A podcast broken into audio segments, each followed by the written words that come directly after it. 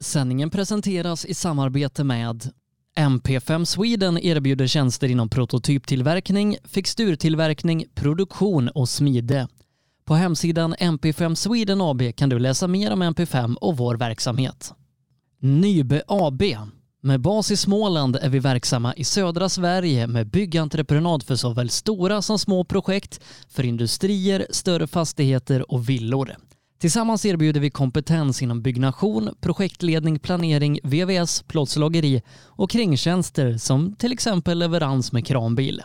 Vi har dessutom ett komplett byggvaruhus i Eneryda. Nybe är totalentreprenör som kvalitetssäkrar ditt projekt från idé till verklighet. Läs mer på nybe.se. Sedan starten 2005 har Ramudden haft som fokus att skapa säkra vägarbetsplatser. Vi fortsätter nu det här arbetet med att skapa säkra byggarbetsplatser för att öka säkerheten för byggarbetare och för de som rör sig där kring. Ramudden Workzone Safety.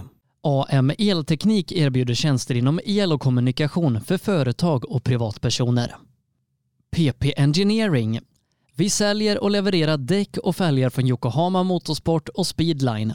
Vi är specialiserade på tävlingsdäck för rally och racingverksamhet, men erbjuder även fälgar för lastbilar och däck till din historiska personbil. Alla våra produkter är framtagna för hög prestanda. Läs mer på ppengineering.se. Appelskogsbil är din Peugeot-återförsäljare i Linköping. Vi har även verkstad och ett stort antal begagnade bilar i lager. Kom och besök oss på Attorpsgatan 1 i Linköping eller besök hemsidan appelskogsbil.se. Girvelius Store, en butik med stort utbud. Vi har det mesta från heminredning och accessoarer till jakt och fiskeutrustning. Vi är dessutom Swedol-partner. Besök vår butik på Vallgatan 45 i Fjugestad eller vår webbshop girvelius.com. JG Mark är ett företag som utför mark, sten och betongarbeten. Läs mer på jgmark.se. Ja, mina damer och herrar, det är äntligen måndag igen och äntligen är vi live här med våran livepodd på Rally Lives Facebook-sida. Som vanligt så sitter jag, Sebastian Borgert, här i poddsoffan, eller vad man nu ska kalla den, eh, och finns med er och ska snacka rally här den kommande timmen. Eh, innan vi börjar så ska vi rikta ett stort tack till våra sponsorer som är med och gör de här poddarna möjliga och har gjort så sedan i mitten av mars. Ett stort tack till MP5 Sweden AB, Nybe, Ramudden, AM Elteknik, Jigemark, Jirveli Store, PP Engineering Yokohama och Appelskogs bil. Utan de här sponsorerna så hade de här poddarna aldrig varit möjliga att genomföra. Och vi har också ett samarbete med den amerikanska rallysajten Dirtfish där du bland annat kan läsa om rally, rallycross och mycket annat. Men också shoppa riktigt schyssta rallyprylar. Det är t-shirtar och det är tröjor, kepsar, mössor, vattenflaskor, termosar, klistermärken och mycket mer med rallyinspirerade motiv. Och använder man koden 15 rallylive när man handlar där, ja då får man 15% rabatt fram tills den sista juli. Så att eh, då har man ungefär två veckor på sig att hitta ut det man vill köpa och använda koden där 15 Rally Live. Kvällens program ska handla om Tobias Johansson. Eh, under 2000-talet en av Sveriges mest lovande och talangfulla rallyförare eh, som bland annat var ute i VM och körde med Subaru. Eh, haft stor framgång på hemmaplan i SM och liknande och även kört Dakar-rallyt och jobbat som utvecklingsförare för M-Sport Ford. Vi ska ta och ringa upp Tobias och prata mer om den här rallykarriären och så ska han få berätta lite mer om det här.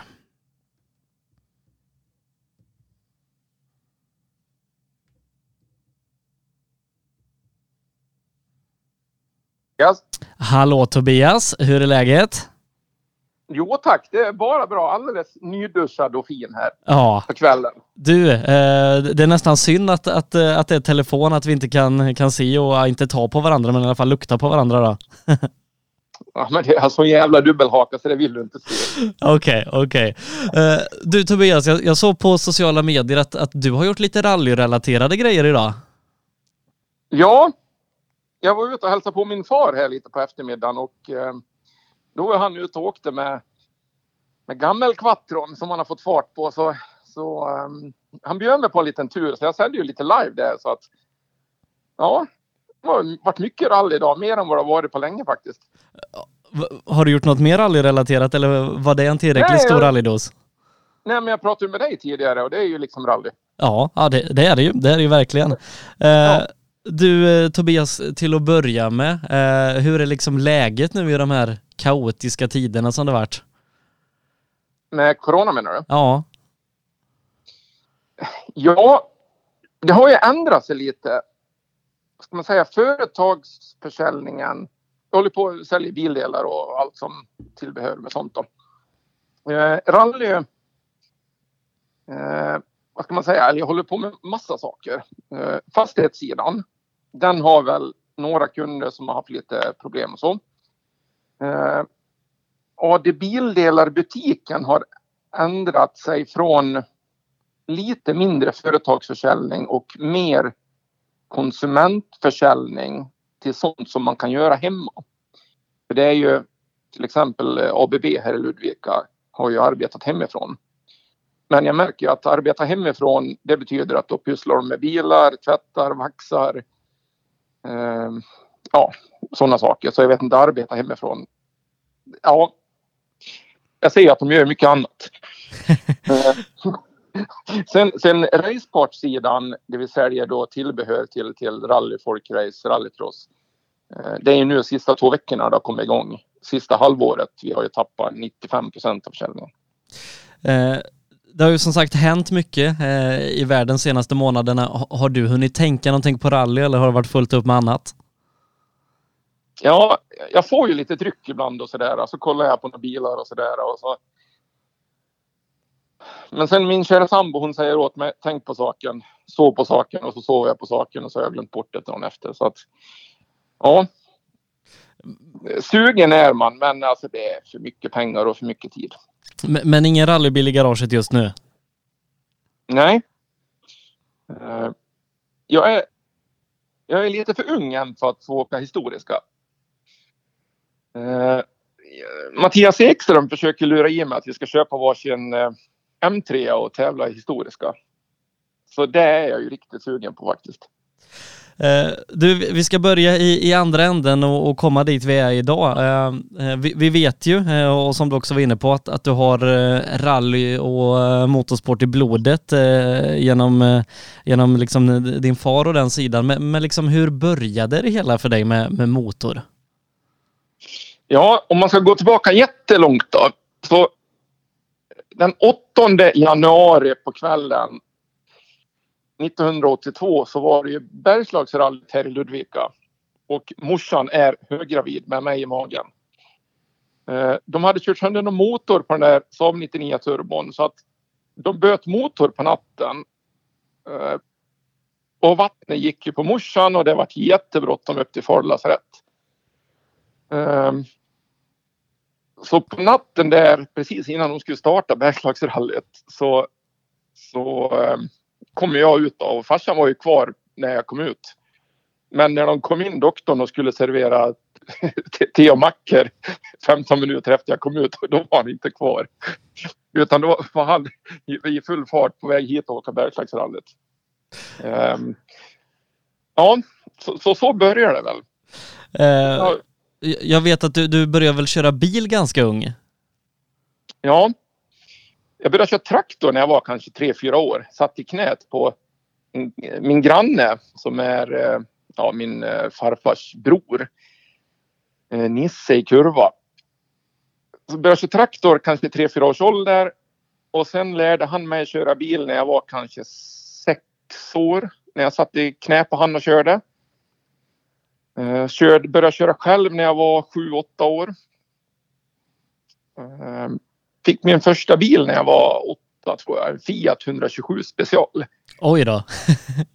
Vilken bil. Eh, Ja, och den åkte vi hemma på åkrarna och på vägarna i Gubbo där. Och, och du vet på vintern, vi åkte av så mycket så att vi har avåkt spår på ja, på raksträckorna. Så vet, vi åkte max 10 minuter, sen var det bara hem och hämta traktorn och så var vi en hel gäng med ungar. Vet du. Så vi knuffade och vi drog i traktorn och så drog vi upp bilen igen. Och, det var jämt så mycket snö i den där bilen så att vi fick skyffla lika mycket ur snö ur bilen som, som runt om för att få upp bilen. Så det, ja, innan jag fyllde 10 har jag åkt många mil kan jag säga det. Men var tanken redan då liksom att ja, men jag ska bli rallyförare? Inte alls faktiskt. Jag såg ju farsan, han var ju borta jämt. Och, så att jag var ju liksom ganska trött på motorsport och på rally. Så vi var ju liksom, vad ska man säga, hela livet fram tills jag var 12-13 år när farsan minskade ner på, på åkningen. Så vi var ju över hela Europa och hela Sverige varenda helg i stort sett nästan år runt. Um, ja, Men... så jag, jag, började, jag, jag började cykla när jag var 10-11 år, mountainbike då. Och tävlade ganska, på ganska hög nivå runt här i Sverige och eh, Norden. Eh, men sen hängde jag inte med när man var 14-15 års åldern så att det liksom, jag började tappa intresset där. Eh, samtidigt så började jag åka folkrace. Och redan som 15-åring så gick det ju väldigt, väldigt bra. Så det gjorde att intresse för cyklingen, det liksom inte vann. Det, den, den försvann. Och eh, folkraceåkningen gjorde väl liksom att eh, det var ju riktigt, riktigt roligt för att man eh, man åkte mot de som var ja, ända upp till 18 år då. Um, jag hade ju väldigt, väldigt hett temperament så ofta så antingen så fick jag väl svart flagg eller så rullade jag eller så vann jag. Ibland gick jag inte till A-final och vart till B-final. Och, ja, och vann jag inte så då sköt jag väl av dem eller körde på dem så hårt. Så jag vet inte hur många gånger jag var först över mållinjen men jag var diskad i efterhand. Så det, jag, jag, jag, försökte kolla upp lite hur, hur pass framgångsrikt det var i folkracen och, och, vi pratar någonstans en bit över 20 segrar ändå som junior. Jag tror jag hade 20, 23 eller 24, tror jag. Nu har jag inte kollat upp det. Jag tror att det var någonstans där. Eh, A-finalsegrar. Men det var nog säkert lika många svartflagg också. Eh, men eh, när du liksom hade varit så pass framgångsrik i folkrace, eh, var, var övergången till rally naturlig? Uh, ja, det var väl det. Uh, en, en, en, en, god vän, jag fick låna hans Saab 99 Ekonomi ja, precis när jag hade fyllt 18 år. Uh, så första tävlingen skulle vi vara en backtävling i Smedjebacken. Men du vet, den här Saaben han gick så dåligt. Vet, han gick mycket, mycket sämre än folkracebilen. Jag tänkte, nej, det här med rally det är ingenting för mig. Det här skiter jag i. Um, men eh, det gick ju över på ett par dagar. Jag vart väl jätte... Jag kom långt bak och körde av vägen och allt möjligt där. Um, sen skaffade vi en... Uh, vi köpte en, en gammal Audi 80 Quattro för typ 30 000 kronor utan turbo. Och så skulle vi åka första tävlingen som C-förare i en tävling i Hällefors. Och jag vet inte hur många startande det var men jag kommer ihåg Joakim Roman var med. Och liksom man tyckte att shit vilken frän bil han har och liksom han har åkt VM och så här. Ja vi åkte ju där och jag jämförde ju mot de andra C-förarna. Och liksom jag såg att vi vann ju ja, typ alla sträckor. Och så kommer farsan inför sista sträckan. Nu jävlar tar du det! Oj, ursäkta språket, jag blir lite upp. det gör inget. Det, vad heter det? Han, han, han sa ja, nu, nu liksom ser du till att ta dig i mål för du, du leder. Jo, jag vet, tänkte jag liksom lite lugnt. Ja, men alltså du, du, du leder ju. Du, du kan ju vinna. Ja, ja, men farsan, jag leder med, med typ två minuter. Nej, nej, du leder med typ tre sekunder. Nej, nej, jag leder med två minuter. Nej, du leder totalt med tre sekunder. Vad, vadå, över B-förarna också? Ja, över alla A-förare också. Så jag varit så nervös. Vet du. Så första kurvan, det, det la jag bilen på sidan. Eh, så publiken välte ner oss kom väl i mål så att jag tror vi tappade väl en 5, 6, 7 sekunder. Så vi var två eller trea totalt ändå i tävlingen. Eh, men vann ändå klassen då. Och eh, hur liksom, eh, hur var det här efter, mm, om man ska säga första tävlingen med, med Saben och så helt plötsligt kunna vara med och kriga om totalsegrar som C-förare? Ja, det var ju ganska annorlunda. Och ändå den här Quattro, jag har ju provat en likadan bil i, i efterhand. Och det, alltså, det, händer, det är som att sparka en död gris i arslet. Det händer ingenting när man gasar. Men då tyckte man att det gick jättefort. Men ähm, ja. Men eh, du, jag, jag, vet inte liksom hur, hur det står sig nu, men du är ju bland de snabbaste någonsin att köra upp sig från C till A-licens. Ja, det var ju... Ja, det är ju den här första tävlingen i Saaben som vart rent kattskit. Eh, sen så... Jag vann alla tävlingar förutom en när jag hade Stefan Bergman med mig. Då åkte jag av vägen och, och, och jag, var, jag var helt galen kan jag säga då. Jag åkte av vägen och vi åkte säkert 200 meter i dike och studsade över stock och sten över vägar. Sen satte jag fronten rakt i en stor sten så jag sköt ur vevaxeln ur blocket ända in i, i torpedväggen och det vart förståendes. ståendes. Um, så förutom den tävlingen då så ja, första och den här tävlingen med, med, när jag åkte av vägen och motorn gick sönder där. Så, så klassade vi upp oss då ja, så fort det gick. Så tio tävlingar så var vi av före. Och eh, liksom med den här framgången så, hur liksom gick tankarna då att man skulle ta sig vidare? Ja, vi, Ja, det, det, vet jag inte. Men jag tyckte att det var liksom roligt att åka tävling. Så vi åkte väl ganska, ganska mycket tävling men det var ju liksom ingen ordning och reda på den tiden överhuvudtaget. Det var ju liksom plåtskruv, silvertejp, buntband. Hjulen stod hur som helst. Vi, vi knappt tankade. Vi hade inte servicebilar som tog oss till och från tävlingarna riktigt. Uh, ja, det var ingen ordning och reda överhuvudtaget. När blev det där då? Ordning och reda? Uh, ja, jag var tillkallad till när Kalle Grundel och Per Karlsson höll i landslaget. Så var jag inbjuden till en uttagning för, eh, ja, för, för um, rallylandslaget då. Eller juniorlandslaget eller vad det var.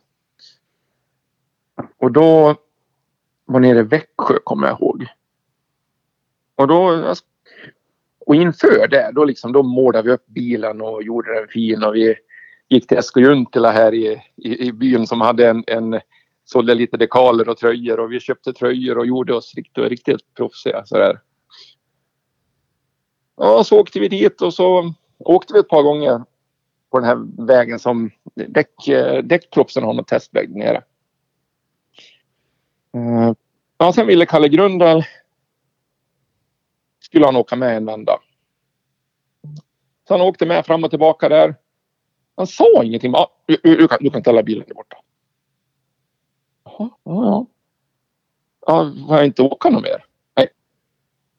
Nej. Nej, så alla andra de körde och körde och körde och körde där.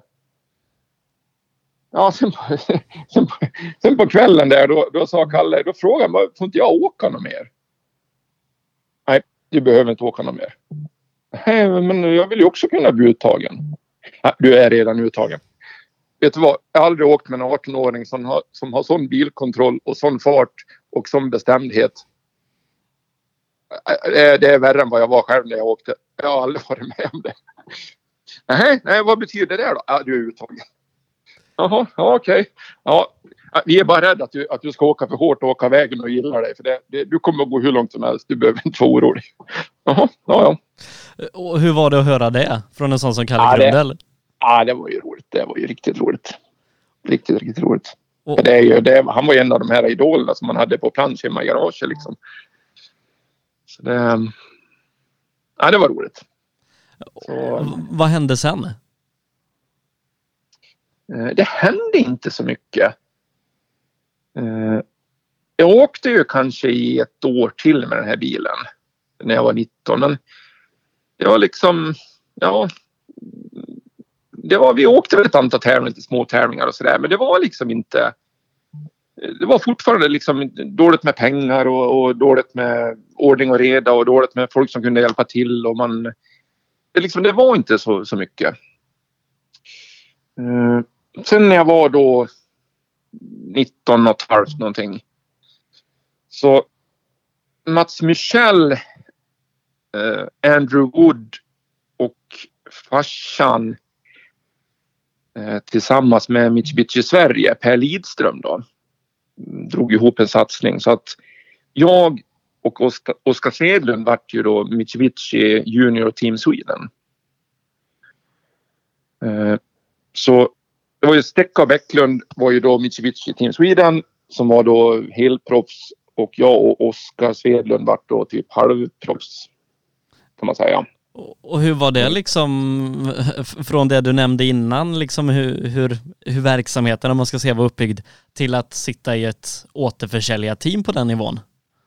Ja, det vart ju en jäkla skillnad för att då vart det liksom seriöst med allting liksom allt ifrån eh, fjädring, stötdämpare, hjulinställningar, alltså allt som är viktigt. Eh, jag fick Mikael Johansson med mig som kartläsare och då var det ju betydligt mer ordning än vad det har varit tidigare. Eh, jag var ju liksom en poj pojkspoling kan man säga som tyckte att det var roligt att åka bil och inte förstod bättre. Eh, så att jag hade ju en hel del äldre rutinerade som bara höll tillbaka mig kan man säga. Men hade du liksom själv eh, här då eh, tankar, ambitioner på, på någonting större eller var det bara kul att, att vara en del av det här? Ja, en av, en av mina bästa kompisar Johan, vi, vi satt och, och badade bastu. Vi visste att de var borta på någonting och vi visste att Mats Michel var inblandad. Eh, så vi trodde att vi skulle liksom, att de höll på med någon tvåhjulsdriven Peugeot eller någonting sånt där i grupp N eller ja, eller någonting lite sånt där. Jag visste att det var någonting på gång. Eh, för det var ingen som sa någonting till mig liksom att vad det var på gång. Eh, men till slut då så, ja, så fick vi reda på att det var en Evo 7 på väg från Japan hit och jag visste inte ens om att det fanns Evolution 7 eller hur de såg ut, ingenting. Så att eh, jag fick ju den första Evo 7 i Europa. Så vi var, jag tror att det var den första även som var färdig rallybil. Och tävla med då. Så i början då hade vi ju liksom grejerna från Evo 6, fjäderben och sånt där. Så att i början var det liksom fjädring och sånt där inte fungera. Sen att få sitta i en sån där bil jämfört med den här gamla Audi 80 Quattron utan turbo, det var ju liksom...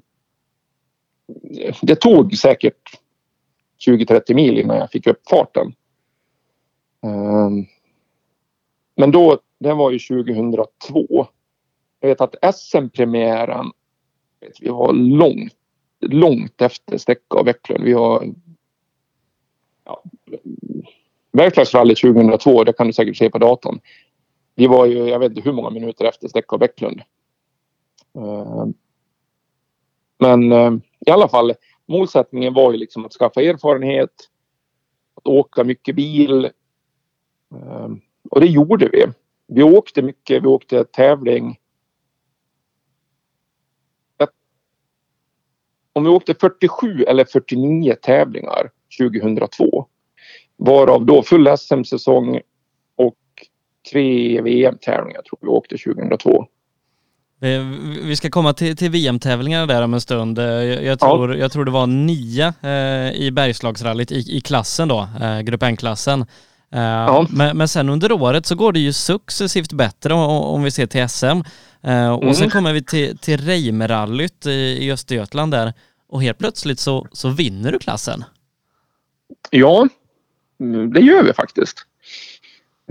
För det var ju riktigt, riktigt roligt tillägga att, att när vi åker det här, vi har ju fortfarande vi har ju väldigt, väldigt snäv budget. Så att vi... Jag tror inte det var någon tävling vi hade liksom ett hotellrum på kanske sju, åtta personer. Annars bodde vi i ett tält, husvagn, husbilar. Vi har fått låna av vänner och bekanta och andra företag. Eh, inte ett enda begagnat däck. Eller ett enda nytt däck åkte vi på. Vi hade bara begagnade däck. Så att jag fick ju däcken av Stecka och Bäcklund. Så, så det, däcken de har åkt på, när de tyckte att ah, men nu kan Tobias ta de här, då fick jag ta dem. Så satt de på nya. Ehm, så det var ju också lite roligt att liksom, fast under de förutsättningarna så, så, ehm, så vart vi att hänga med till slut.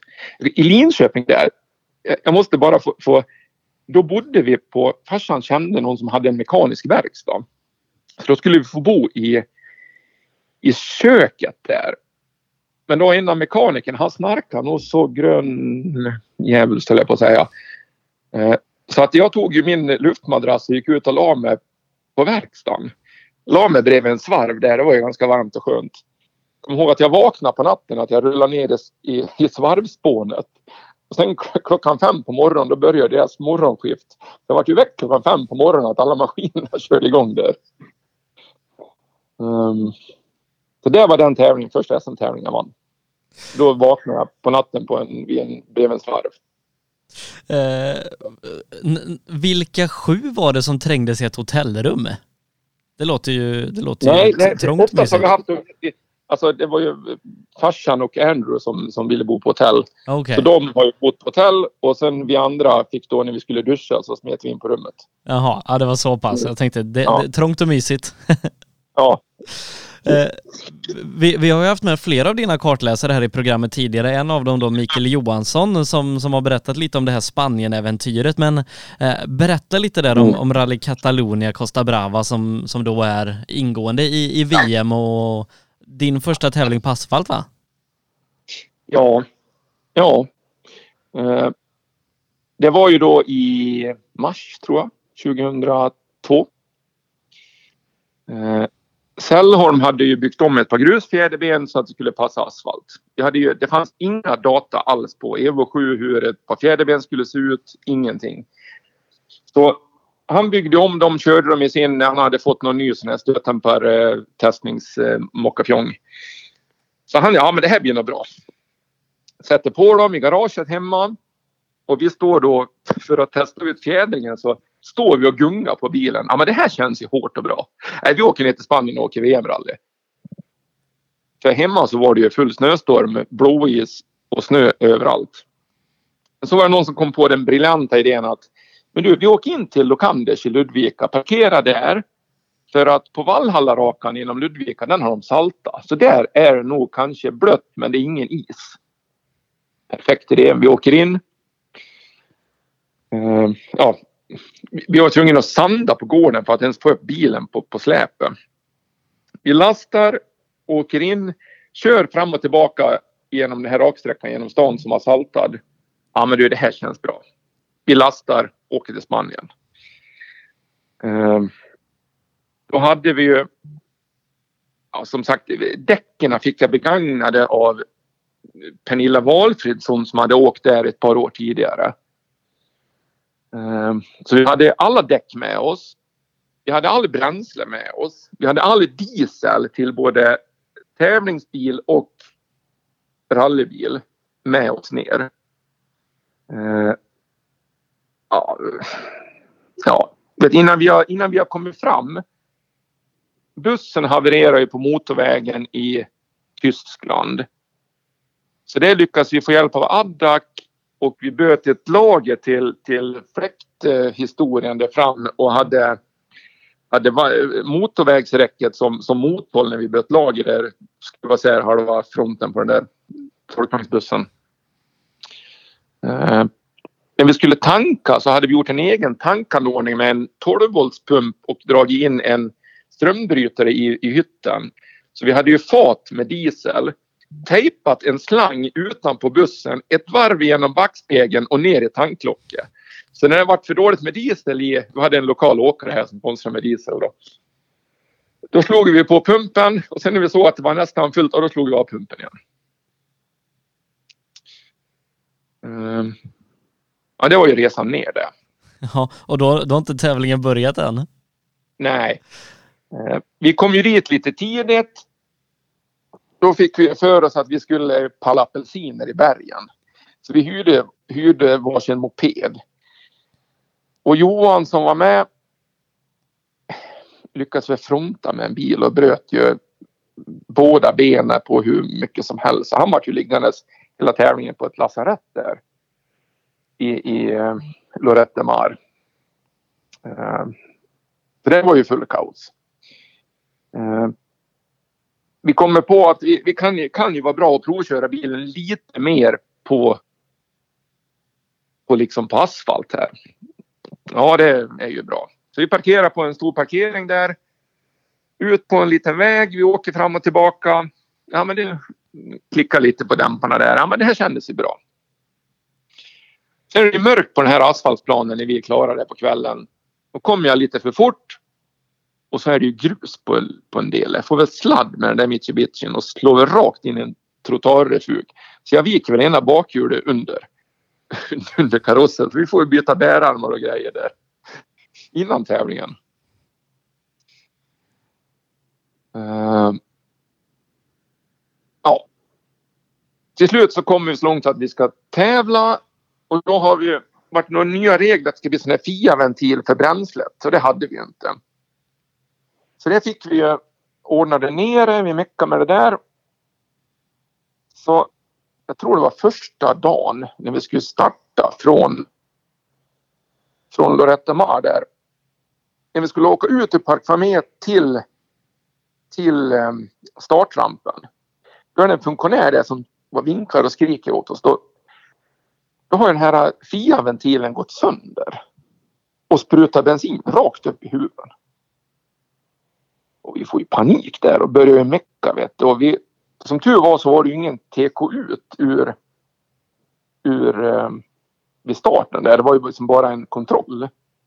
Så vi lyckas ju knuffa bredvid det på något sätt och kom ut och mecka och lyckas få ihop det där. Och då är vi ju rejält försenade. Eh. Men vi lyckas väl komma, komma dit i alla fall. Och jag lyssnade på Mickes, men jag har lite olika syn på, på vad som hände där. Jag har för mig att vi kom, kom till sträckan och vi åkte vi åkte första dagen där. Men vi var liksom, tempot var väl inte alltför bra. Eh. Sen när vi ska åka, det var ända nere i Tarragona så det är väl en 10-12 mil söder om Barcelona och Loretta Mar ligger 10 mil norr om Barcelona. Och när vi åker hemåt på kvällen där så är det jättemycket köer runt Barcelona. Så att tiden börjar rinna iväg så att vi får åka jäkligt fort på motorvägen. Så vi åker väl kanske inte 200 men vi åker väl så fort vi törs utan att motorn ska varva sönder om man säger så på högsta växeln. Och då får vi en framhjulspunka på motorvägen. Och du vet allt. Det var backspegel, sidokjolar, frontspoiler, lyse, allt som sitter runt hjulet. Det var som en explosion, det bara försvann. Ja, det får vi ju stå där mot, på motorvägen och mecka och mörkt där då. Trafiken går ju fort som helst. Um, upp. Kommer till service, lyckas förklara oss utan några större tidsförluster. Jag tänker det tempot vi gick efter det. Då gick det på halvstopp på motorvägen. Um, I alla fall för att få ihop det här då så fick vi ta gamla 25 liters dunkar. Vi tog ett ly en lyse från träningsbilen som var en Opel Corsa. Eh, så vi åkte resten av tävlingen då med ett, ett framljus från en Opel Corsa och hoptejpad bil. Eh, tempot lyckas vi få upp ganska bra till slut faktiskt så att vi, vi vart faktiskt tvåa i gruppen där. Med, med tanke på allt du nämner så, så känns det otroligt att ni, ni ens liksom kom i mål.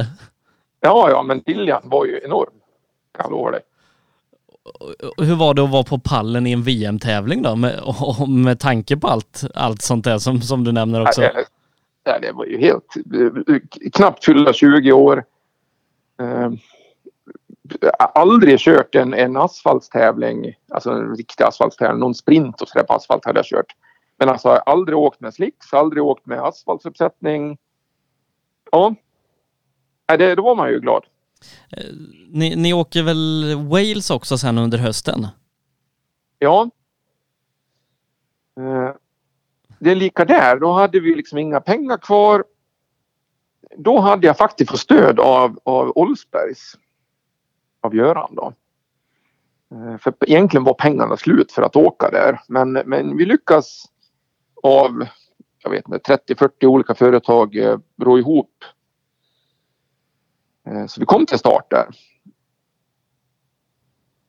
Bara begagnade däck då från, eh, från eh, ja, mycket var tack vare Mitjevici och Bäcklund och, och Valfridsson då. Och, och Pernilla. Så vi fick ju deras gamla däck som de har åkt på under året. De däck jag har åkt på de var ju liksom koden framme på alla däck. Så långt använder vi däcken. Eh, kommer dit, åker och vi är med och slåss. Troligen trea, fyra i gruppen där. Alla åker ju i stort sett Pirelli och vi åker Michelin. Och då kommer jag ihåg, vi var uppsatta på eh, Mitsubishi Japans eh, talang eh, ja, förblivande liksom förare. Då. Så de hade ju koll på oss och även Ford. Eh, till slut då så kommer ju eh, Vi fram, kommer, står det Pirelli-killar utanför där. Och sen kommer de och, och så ropar de dit mig och så bara, bara, bara berättar liksom hur duktiga vi är och hur det går. Och, men men det, vad är det här för däck? Vad är det här för däck som ligger här? Är det de däcken vi har åkt på? Ja, men det är ju inget mönster kvar och det är ju lera. Vad gör, vad gör ni där borta? Ja, vi står och skär nytt mönster. Ja, men däcken har ju slut för länge sedan. Ska du ut och åka på de här igen? Ja. så bara, nej, nej, nej, nej. Från och med nu så har du fria däck. Va? Va? Ja. Från och med nu, då sponsrar Pirelli med däck. Har du åkt på de där däcken? Ja. Hur gammal är du? Jag är 20 år. Har du åkt i England förut? Nej. Vet du vad? Från och med nu så har du alltid fria däck från oss. Jaha. Ja, så vi skyndade oss med fälgar bort men tyvärr så hann vi inte få på.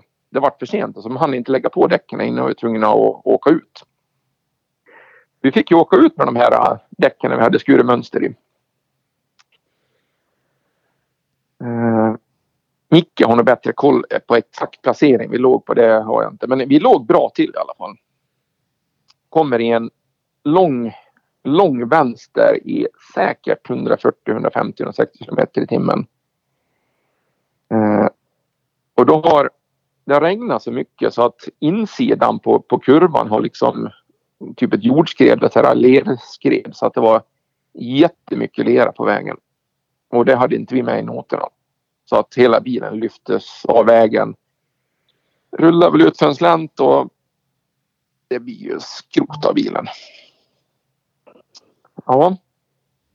Det kändes ju liksom helt piss kan man säga. Men, men med tanke på den säsongen du haft liksom i, i SM eh, med att ha vunnit tävlingar, jag vet inte, tog du medalj det året? Blev du trea kanske i gruppen? Ja, vi har tre grupper matcher.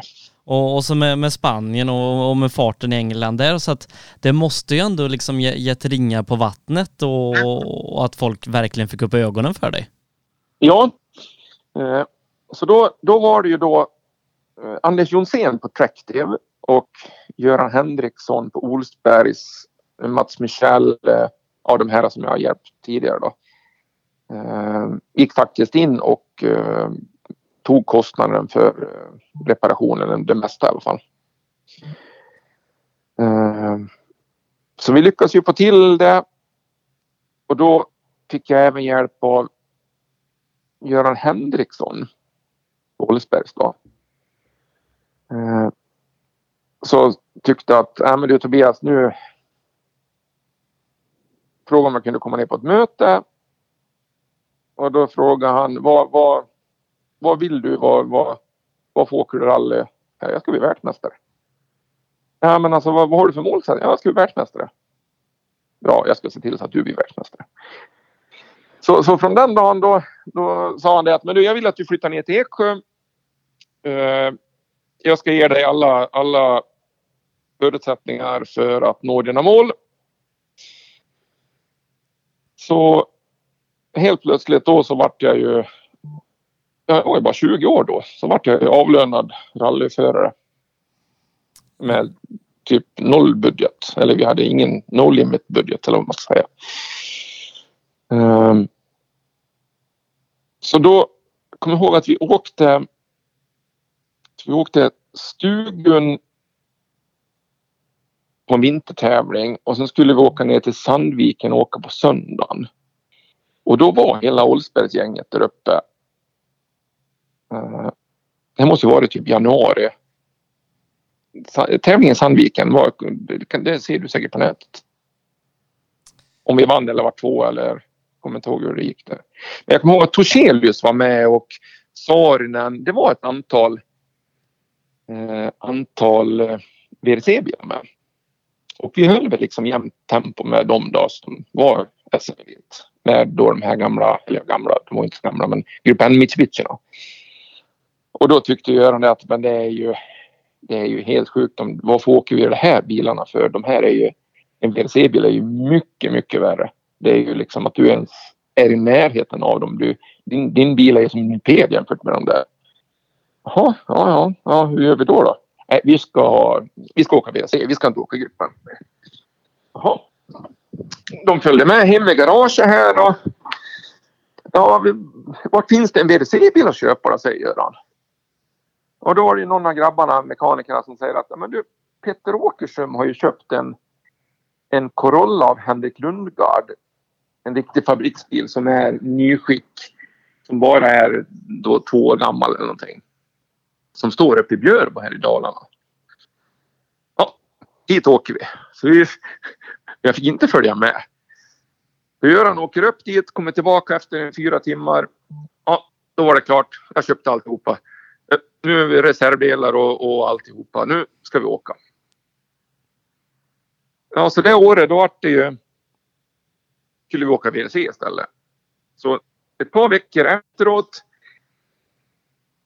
då tar vi. Eh, för, för Thomas Rådström hade kört Toyota där. Och då skulle vi åka SM-premiären då 2003 i Vännäs. Eh, så vi åker upp dit. Har inte åkt en meter i. Jag har inte ens kört av bilen av, av, av trailern själv. Ska vi köra test där uppe.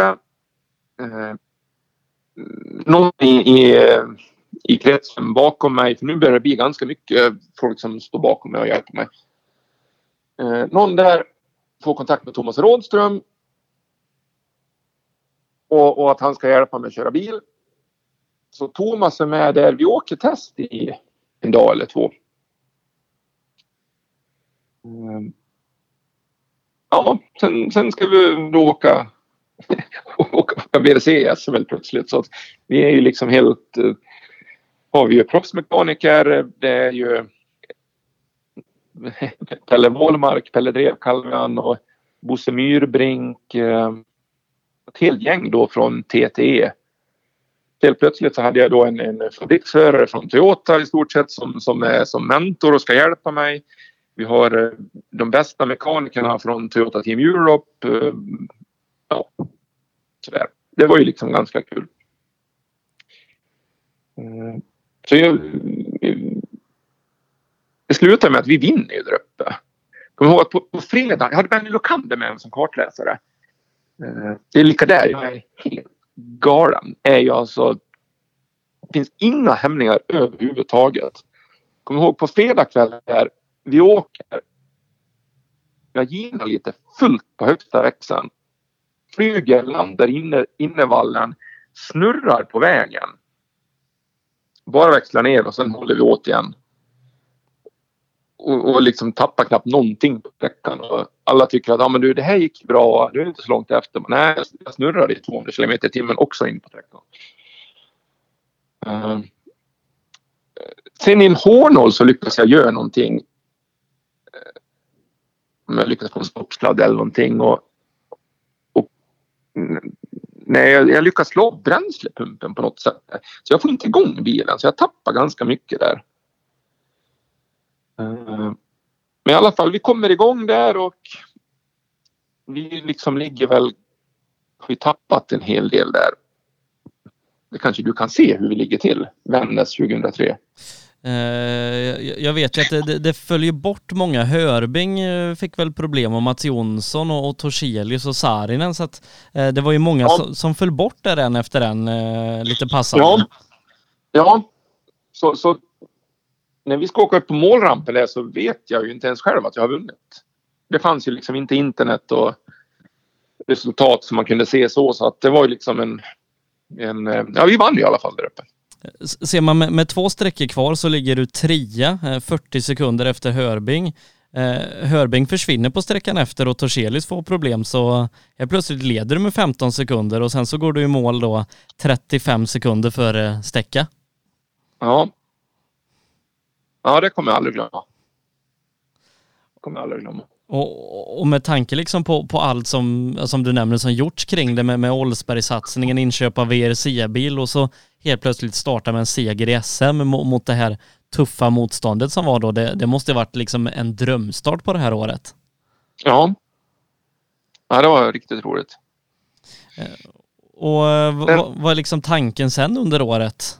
Är det liksom äh, SM? Nej, sen, nej, ja det var väl det men, men Eh, sen tycker ju Göran att vi ska ju åka det var ju så mycket underhåll på de här. Alltså han tyckte att det ska renoveras motorer och allt möjligt. Så att det är lika bra att vi köper en till så vi kan åka ännu mer tävlingar.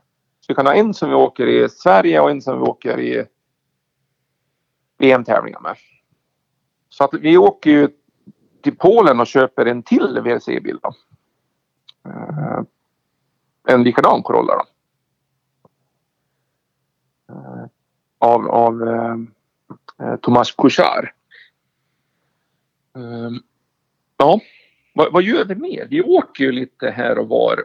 Kom ihåg att vi åkte första tävlingen jag skulle åka asfalt med VRC-bil var ju då vi skulle åka till Danmark och åka eh, en tävling där. Och då var ju alla det här Pilgard och allt vad de heter. De här danska asfaltspecialisterna. Kitcar-bilar och alltihopa. Och så kommer vi ner där och ingen visste väl vem vi var och aldrig hört talas om oss, ingenting. Och det var ju tv alltihopa där, och det var ju bara de här danska asfaltkunderna som har vunnit där i alla år. Um, kommer dit och ja, det slutar med att vi vinner även där på asfalt. Första gången asfalt en, en VRC-bil. Um, ehm, så det vart ju riktigt eh, bra uppståndelse där i, i Danmark då. Men eh, ni, ni åker ju två VM-tävlingar också, eh, Finland och, och, Wales och jag tror att du blir bästa privatist i båda tävlingarna, strax utanför topp 10 båda gångerna eh, och slår ju sådana som Jari-Matti Latvala bland annat. Ja, det var ganska roligt för Latvala hade ju då åkt ett år tidigare än mig där. Eh, vi säger som i Finland, vi hade ju ändå en hel del, eh, om man går tillbaka då så var det ju, du kanske ser startlistan där, men säg att det är 20 stycken kanske fullt betalda fabriksförare som åker alltså åt fabriken officiellt. Och ett 30-tal, 30-35 kanske som lever på att köra rally i VRC. Så många startande är det? Eller hur, hur många är det? Eh, jag, jag, tror det är nästan ja, 17-18 stycken som är liksom fabriksförare. Jag, jag ser Latvala är faktiskt anmäld utav eh, Ford i en fabriksbil. Ja. Uh, ja. Nej, åkte han Ford? Det kanske han gjorde. Ja, det gjorde han.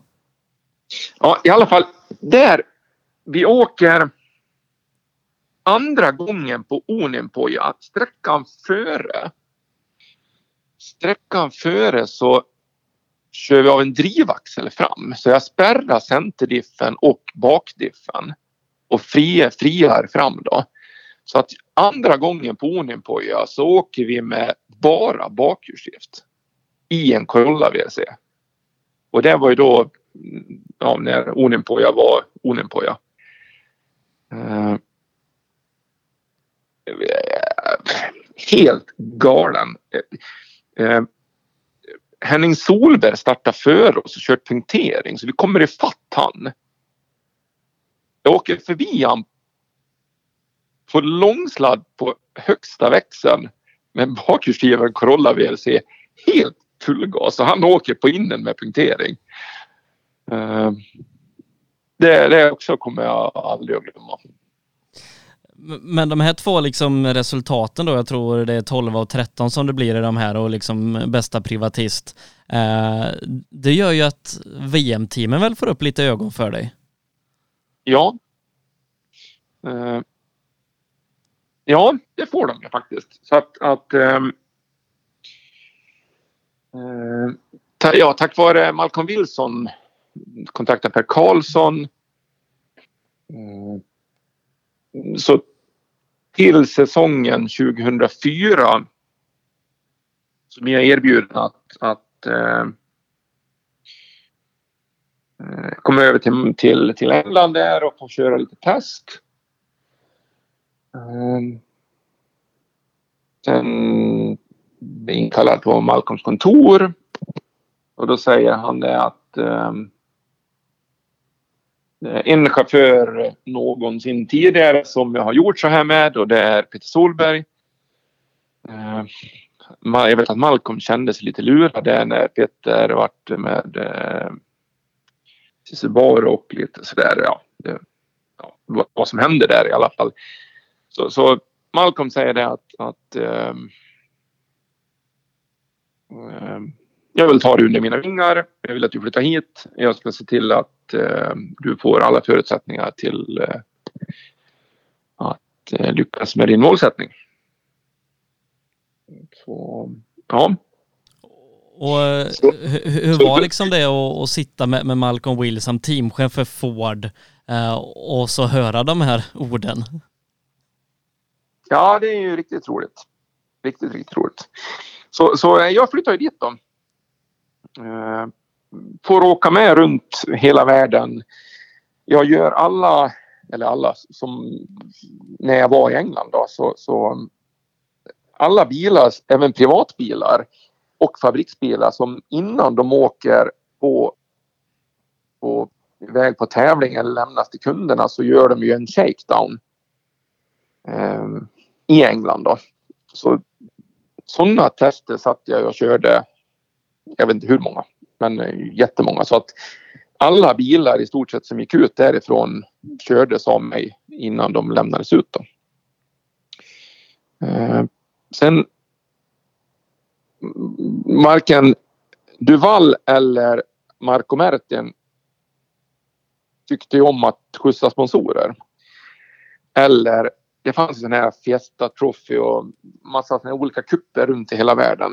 Och det är då när man vann då en sån här cup då fick man ju då typ bli, bli VRC-chaufför för, för, en dag. Eh, alla såna här grejer satt ju jag och körde då. Eh, det började med att, att man tog in dem i bilen eh, och så åkte man och så visade man lite hur det fungerade. Och sen satt, satt jag med bredvid och sen då fick de här ungdomarna hoppa in i bilen och så fick de provköra och förklarade då för allihopa att ja, eh, ni har vunnit den här serien och det är ju då vad Malcolm har sagt till mig att jag ska säga. Och ni behöver absolut inte bevisa för mig att ni ska bli världsmästare eller att ni ska bli fabriksförare. Gör något misstag, kör av vägen eller skrota bilen eller vad ni än gör. Eh, det är det absolut sämsta som kan ske. Utan, utan bara provkör bilen och ta det lugnt. Är det det minsta osäkert då kommer jag att slå av responsen och så får ni åka tillbaka och så byter vi chaufför. Och det händer ju i sju av tio fall med sådana här äh, andra juniorer. Fast de var ju oftast äldre än vad jag var. Så det var ju kanske lite roligt. Var, var det någon av dem, om, om du kommer ihåg, som du behövde slå av responser för, som sen har blivit någon no duktig chaufför? Nej. Nej, jag tänkte alltså, Sebastian Ogier. Nej, inte så riktigt. nej, nej. Uh, nej, ja. Uh, sen, sen skjutsar vi mycket alltså då sponsorer, eh, många som betalade jättemycket pengar för att få åka med då. Ehm, ja, så, så det var ju roligt. Så att det vart ju mycket mil. Sen, sen fick jag köra mycket eh, utvecklingstester åt eh, Michelin. Körde jag mycket. Eh, även mycket hållbarhetstester på transmission, motorer och så vidare med, med testteamet. Då. Eh, så, så jag åkte ju... Jag åkte ganska precis tusen mil SS i full fart med VRC-bil det året. Men, men, du tävlade liksom ingenting under det här året utan det, var, det var liksom test och de här jippokörningarna som gällde? Eh, vi åkte Svenska rallyt i en Ford då, jag och Bosse Holmstrand. gjorde vi 2004. Det... Än en gång så åkte jag av vägen på fredagen. Vi, så, så vi starta lördagen och gå ut först på vägen och det kommer ju... Det snöar ju på natten rejält. Så det är ju ett par decimeter lössnö som vi åker och spårar i på hemmasträckorna här, Fredriksberg och det här. Och jag kommer ihåg, jag är helt... Är så förbannad och helt galen. Vet, när det har snöat så mycket så att det har blåst igen på vägen så att man ser ingenting. Eh, och åker ju alltså blint på noterna vi studsar och far vet du. Så att till slut så åker vi väl av vägen igen och tappar tio minuter. Men, men i övrigt liksom så, så var det ett år utan något riktigt ja. tävlingsprogram? Ja, eh, åkte väl i stort sett ingen tävling alls. Däremot så var jag ju med på alla VM-tävlingar. Eh, både på, så jag var ju med på alla tester som både både Marco Mertin körde och Duval. Eh, många gånger så satt jag med dem på test. Eh, om jag inte körde själv då. Plus att jag var med och körde typ grusnoter åt, åt dem. Åkte för att åka igenom alla sträckor, skriva noter. Ja, överallt. Men, men fanns det liksom någon, någon vidare plan att men så här ska, ska du gå vidare inom eh, med, med Ford eller var det liksom ett år och sen så se vad som hände? Ja. Eh. Sen då på hösten där så var det ju, skulle vi skriva kontrakt då. Och Malcolm hade ju en plan och det var ju ja, det var ju en, en lång plan kan man säga. Och den var ju mycket till Malcolms fördel.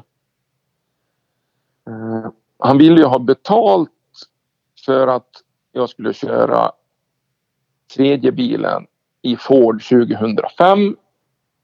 Men åka gratis 2006. Och option på 2007 att få betalt samma betalt som någon annan skulle få ge mig. Plus att han skulle ha option ytterligare fem år eh, att ha mig som chaufför. Så det var totalt åtta år då. Eh, men efter, åt, efter de åtta åren så ville han ha 50 procent av all min framtida inkomst från motorsporten. Och det stödde sig Göran Henriksson på väldigt, väldigt mycket. Så, så han eh, sa att nej, du ska inte behöva skriva något sådant där kontrakt att du ska ge 50 procent av din lön för resten av livet till någon annan. Eh, det, det, ja. Eh, det går vi inte med på. Är, är det någon liknande typ som, som Ott Hennek haft? För han har ju haft en lång, lång karriär inom, inom M-sport. Jag säger pass på det, men eh, antagligen ja. ja. Eh, men, men, men vad händer då liksom när, när man väljer att inte ta det här kontraktet?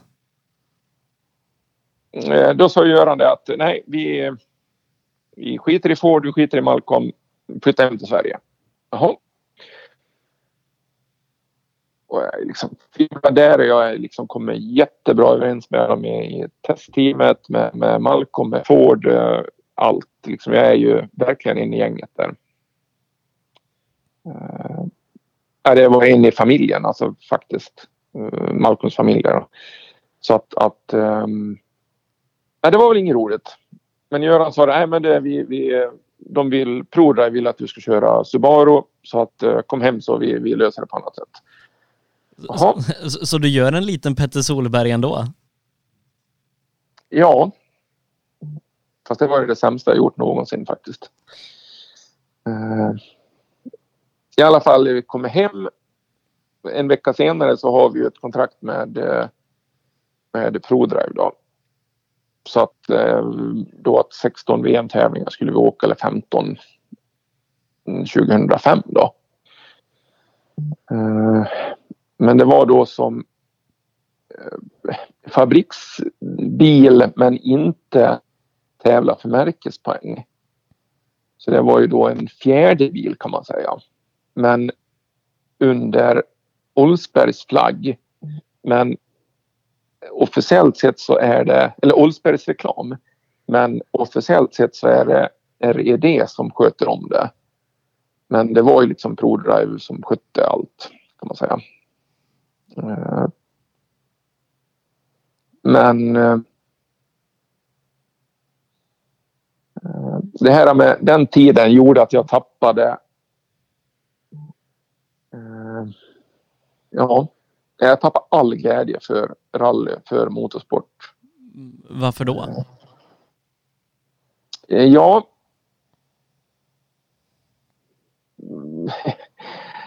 när, när det är så mycket politik, det är så mycket pengar och när man ser och känner att jag tävlar inte på samma villkor. Eh, jag vet att jag till exempel åker ifrån då eh, Atkinson som kör tredje bilen i, i Subaru. Jag körde ifrån honom på test, jag körde ifrån honom eh, på de flesta underlagen. Men ändå så får jag inte möjligheten att tävla på lika villkor. Till exempel när det är jättevarmt så, så säger de nej det finns bara soft tire åt dig. Jaha, tack. Eller när det är, är, är, när det är kallt ute och regnar att tyvärr det, det, finns bara hard, hard compound och det finns bara K-däck fast jag vill ha KM 6 eh, till exempel. Alltså KM då som är ett grövre mönster. Um, så, så liksom att, att eh, bara då för att eh, jag inte ska ta förarpoäng av, eh, av Atkinson. Kom ihåg, vi satt i jag tror att det var i Turkiet, Turkiet eller Sardinien. Då hade vi liksom fått hyfsat bra gång i motorn och vi hade rätt däckval. Så ligger vi före Atkinson och vi är väl tror vi åker liksom lika på någon sträcka och sådär med Grönholm, Löb, Solberg. Vi är liksom där. Vi är liksom 01-02 per, per kilometer efter dem. Eh, kommer in på sträcka eller kommer in på servicen och då har jag Kaj Lindström med mig. Eh, Martin då fick jag då via ProDrive. Året före hade han åkt med, med Tommy Mäkinen. Eh, och vi vet ju hur det har varit tävlingarna tidigare. Eh, Kaj säger åt oss det att nu är vi, Tobias stannar i bilen, vi äter i bilen. Jaha. Kommer de dit och så kommer, kommer de från, från Prodrive idag och vill stoppa in dator, eh, alltså ja, de tar ut minneskorten och kollar dem och byter dem. Och så vill de ju plugga in datorn i bilen. Nej, det får ni inte. Jo, oh, det ska vi göra. Nej, så kommer det någon annan höjdarchef där. Och vi förstår ju att nu ska de ju ställa ner laddtrycket åt oss. Att vi hade redan fått däck som vi ville ha till, till nästa loop då. Eh, och vi visste att det är ju rätt. Och vi sa nej, det är bara gör en spännercheck. Eh, kolla allting. Bilen fungerar. Gör, ändra inga inställningar. Nej, vi ska in i, i eh, data, alltså styrenheten för motorn. Nej, det är inga fel på motorn. Ni får kolla på, på och det är inga fel på motorn. Det är, bilen ska vara så här. Nej, vi ska in i motorn. Nej. Vi vart ju riktigt osams där. Uh, och vi, vi vägrar släppa in ingenjören där. Kommer någon annan och säger åt oss, nej men du går i bilen, de, de ska in. Nej, det får ni inte. Och både jag och Kaj sitter kvar där. Ja, sen kommer ju högsta chefen själv då. Richards. Öppnar dörren och säger han åt mig det att eh, Tobias, get out of the F-ordet, car. No. Get out of the car or, or we will never drive a WRC car again. Sa han åt mig. Jaha, ja, ja. Bara kliva ur då. Och då sen på vägen ut och sa vi både jag och Kaj att det spelar ingen roll hur vi åker nu för att vi hänger ändå inte med. Mm. Ja, mycket riktigt så, så, så går ju inte bilen som man ska sen då. Så här var det ju gång på gång. Så till slut då tröttnade jag ganska bra. Eh, och det är ju även då Göran Holsbergs så han drar in, eh, drar in budgeten. Säger att vi, vi liksom, vi, det är inget roligt. Eh, vi, är det inget roligt för någon. Nej. Eh, sen ska vi åka och då, då drar, ändrar han och säger att äh, vi, vi, han köpte ju två sådana här bilar då och provade. Och då säger han, eh, då ska vi vi, ja, vi ändrar om lite det så att Daniel Karlsson ska köra. Vi hoppar över långhåltävlingarna alltså utanför Europa. Ska jag och Daniel åka. Eh, det är väl ungefär samma sak där. Det blir liksom kattskit allting. Eh, vi åker i Akropolis kommer jag ihåg. Eh, åker kapp bilen framför på en sträcka. Eh, det dammar något så fruktansvärt så vi, vi stannar. Fortsätter ett tag till och det dammar, dammen ligger kvar jättelänge. Till slut så åker vi liksom på ettans växel i fem kilometer i timmen. För att vi, vi ser ingenting. Ja. Tror inte på att jag lyckas åka av kanten. Och det är sand. Lägger i växeln, fastnar, bilen gräver ner sig på alla fyra. Ingen publik där. Vi kommer inte därifrån. vi får ju bryta tävlingen då. Eh, kommer hem är ju rätt less på det här och även Göran Henriksson man säger nej nu, vi, vi skiter i det här. Det är ingen idé. Det, vi, vi, vi lägger ner hästsången. Ja.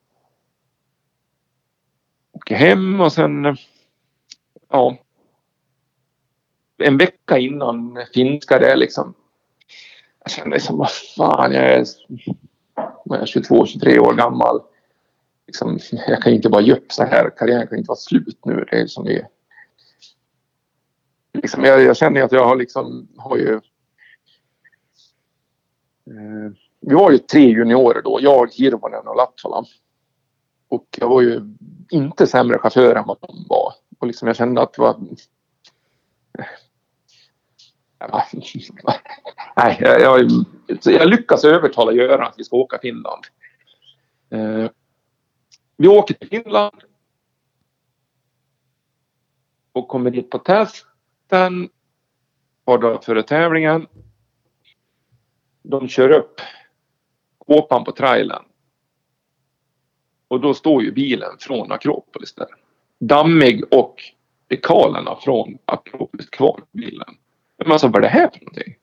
Då sitter alltså watersplashtskydd och allting kvar i fronten. Ja, ah, men det är bilen du ska åka. Men alltså jag kan ju inte åka med en Akropolis bil här. Det är liksom fem centimeter för hög och det är ju liksom Ja, det är ju egentligen helt skilda bilar man åker uppsättningsmässigt. Finland är ju liksom som Formel 1 på grus. Uh, ja, det säger de att det har de ju byggt om och så vi står ju där och krånglar och diskuterar ganska länge. Till slut så lyckas de väl justera så pass med krängningshämmare och fjäderben och allt sånt här så gott det går. Och då säger de det att, eh, säger de att ja, men den här bilen har eh, garantin på motor och växellåda ska hålla så får du bara åka 10 kilometer test. Ja, men det är 10 det är bara en gång fram och tillbaka. Ja. Ja, men det, det hinner jag inte ställa in bilen på. Speciellt när den är helt ojusterad. Ja, nej, du får ju åka med träningsbilen först och sen får du åka en gång full fart fram och tillbaka. Ja, okej. Okay. Ja, ja. Eh, tänkte jag, ja, vi får ställa in den första sträckorna på tävlingen då. Eh, vi satte oss i rallybilen. Ska köra ut då från servicen. Då glappar rattstången en kvarts varv. Alltså, vad, vad är det här för någonting? Ah, men det, det är ingen fara. Ja, men det här kan ju inte åka med en, en rattstång som glappar liksom en decimeter. Ja, då kom det ju fram att då hade ju Peter Solberg kört test och, och, och åkt av vägen och kört sönder rattstången på sin bil. Och då har de tagit ratt, rattstången från min bil och, och, och, och lånat till Petters bil. Och tvärtom då. Ehm, jag, jag, jag kör inte, vi, vi skiter i det jag, jag åker hem. Det, jag, jag, jag, jag, jag sätter mig inte och åker i Finland med denna bil, det går inte. Eh, blir sittandes där i två timmar. Lyckas de ju skramla fram en, en rattstång. Jag kommer inte ihåg exakt vad som sker om, om Daniel Karlsson kör test och jag får låna hans rattstång eller om de eller, eller rattväxel, eh, styrväxel. Då. Eh, i alla fall så lyckas de ju få, få fram en styrväxel till slut så att, att eh, styrningen är okej. Okay. Vi sätter oss i och så säger vi till Kaja, hur gör vi nu då? Ska vi åka, ska vi åka lugnt för att se hur bilen beter sig? Prata med ingenjören. Nej, ni, ni kan åka fullt direkt. Okej. Okay. Så vi kommer, okej, okay, vi åker fullt från, från och vi på att ingenjörerna har ställt in bilen. Eh, ettan, tvåan, trean, fyran, femman, sexan. En lång vänster, sen blir det en lång höger. Ett litet sprätt till ett lyft. Ett lyft som vi alltså normalt sett åker stumt på högsta växeln i. I det här sprättet då så är det ju fortfarande fjädrarna från Akropolis och bilen är alldeles för mjuk. Så bilen reser ju iväg så att vi får världens ladd. Flyger, landar i diket, kör i en sten, rullar framlänges i på GPSen då så 207 kilometer i timmen när vi börjar rulla framlänges. Och bilen står då 180 meter längre ner. Rätt kvaddad. Eh, jag kliver ur bilen. Ser att det här blir ju ingen tävling. Åker tillbaka, säger väl ett par välvalda ord till ingenjörerna. Sen tar jag hyrbilen, sen åker jag ner till flygplatsen och sen åker jag hem. Och sen svarar inte jag i telefon på någon på flera veckor. Och, och, och liksom, vad, vad, tänkte du då? Var, var det över där eller försökte man hitta andra vägar eller var det liksom rally? Det, det är inte kul längre? Nej, jag gjorde illa mig lite i ryggen då. Lite sådär. Jag fick lite ont. Jag tänkte nej, jag, nej, jag, jag, jag skiter i det här rent ut sagt. Jag glömde berätta en till sak ja. som också har med det här att göra. Om man går tillbaka då kanske ett antal Vi var på Sardinien jag. Eh, vi gick liksom men vi var väl alltså, vi var nöjda med, med eh, förutsättningarna vi haft. Mentalt bra och liksom så. Så, så proven ska bjuda på middag på kvällen. Eh, så vi är ute och äter Eh, och då, jag hade 16 000 i månadslön. Eh, fria kläder, typ sådär. Men, men ändå, det kostar att... Eh, vi hade ju liksom 310-320 resdagar per år. Så att, att min privata ekonomi var liksom under isen. Det var ju liksom... Jag käkade ju på, på, på fabriken och åt ju i, i, på Söderplatsen och så här. Så, att, så att det var ju liksom inga pengar alls. Eh, gå ut och äta där. Sen ska de andra gå på, gå på puben. Och så skulle de på diskotek. Och för att komma in på diskot så kostar det väl typ 5 euro i entré. Men jag hade ju absolut inga pengar överhuvudtaget. Eh, de säger att ah, vi ska in och kolla om det är några folk där. Du kan vänta ute. Är det mycket folk du kommer vinna så betalar vi in dig. Jag står väl där ute en timme och väntar. Kommer ingen. Uh, hotellet var ju en mil utanför stan där så jag, jag ja, rent ut sagt gråtandes springer väl därifrån liksom och känner att uh, det är jag som har dragit in alla sponsorpengar, jag som har sett till att alla de andra är här, att de får lön, att de får betalt. Uh, det är så många som tjänar pengar på min rallyåkning. Men jag har inte ens råd att gå in på ett diskotek med mina mekaniker. Eh, och de skiter i att jag står utanför där.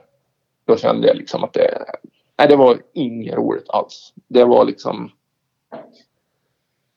All glädje var borta. Eh, vi, vi, ska komma in på, på Dakar här sen tänker jag, men, men eh, 2006 så, så, blir det ju inget vidare. Olsberg eh, går över till andra discipliner, man går in med Flash i STCC och med Thomas Rådström i rallycrossen. Men, men ni åker en tävling i, i SSR eh, med, tillsammans med Olsberg. Men, men blir det någon mer rallyåkare där? Nej, vi åker om man går tillbaka där till, till Dakar så får jag en förfrågan på hösten av eh, vad heter han, Fredrik som är tillsammans med Michel Monteau. Har du koll på vad heter han? Nej, nej jag har inte det hundra. Nej, ja, ja, eh, I alla fall han eh, får en fråga om jag är intresserad av att åka alltså ökenrally. Och jag säger ja, jo det, det är jag väl. Ja, nej, för då ska Eurosport Nismo som är då Nissan Motorsports tävlingsavdelning och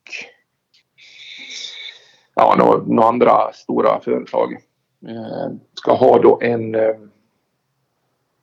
en uttagning. Så vi var väl, tror jag, tio förare och kartläsare från tio länder som gjorde en massa uttagningar i, i, i Frankrike först.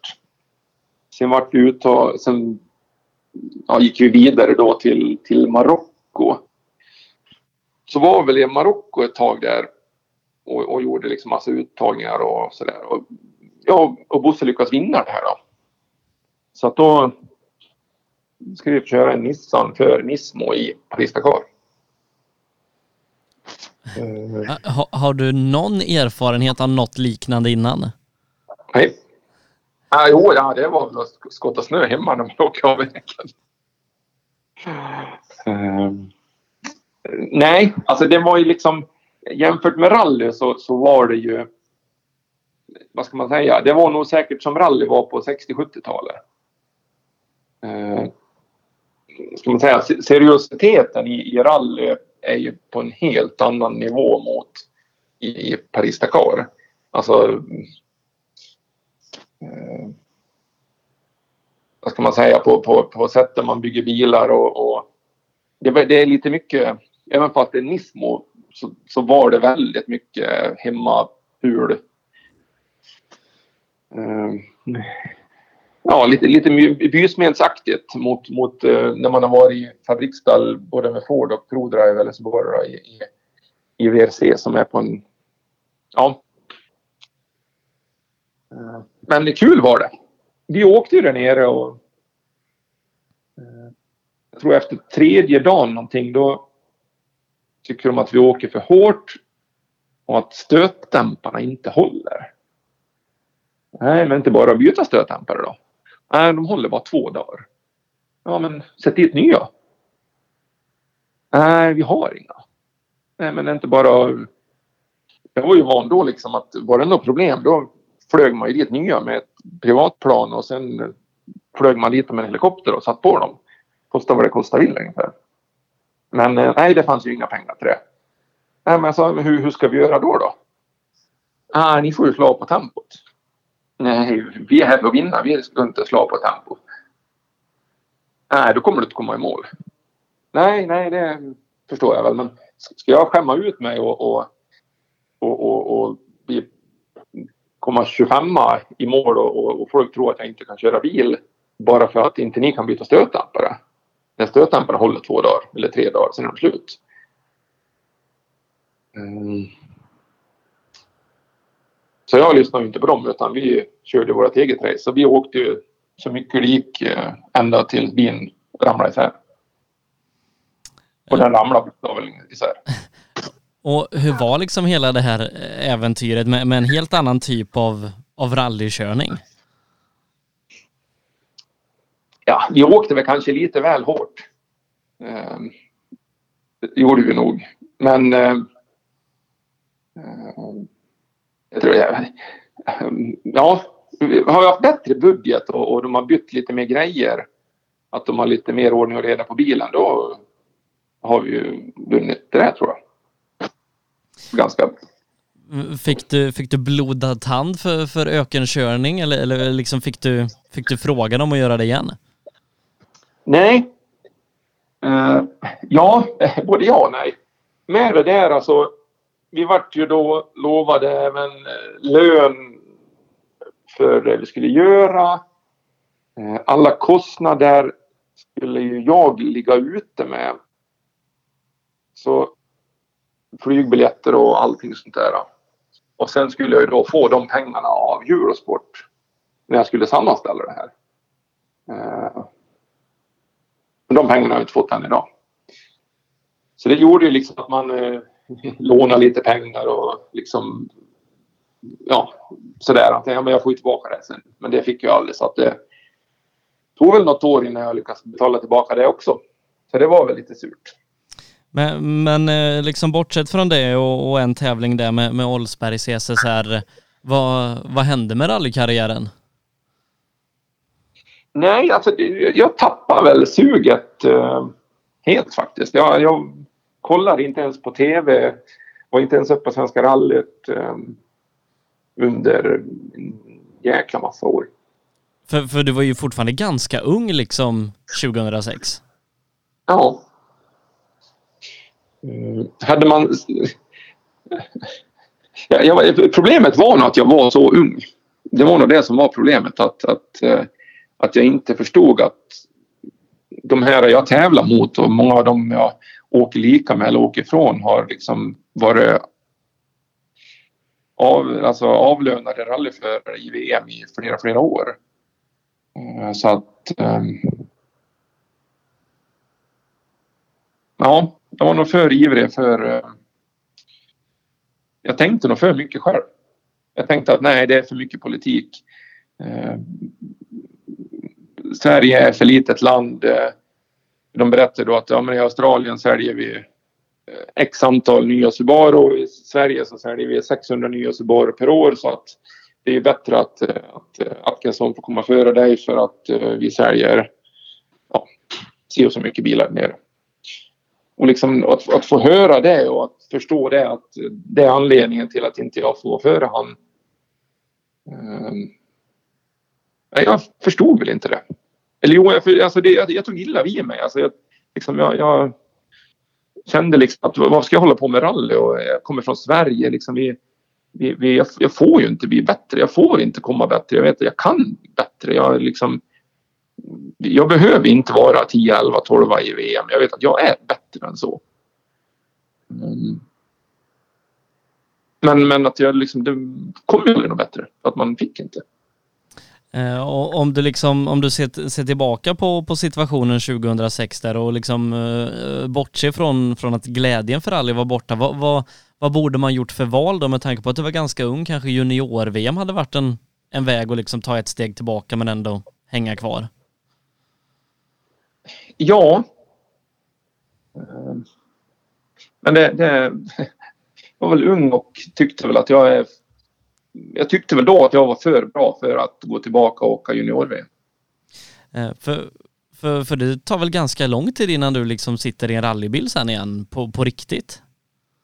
Ja, jag, jag åker ju 2009 lånar jag farsans Subaru och åker liksom någon tävling med.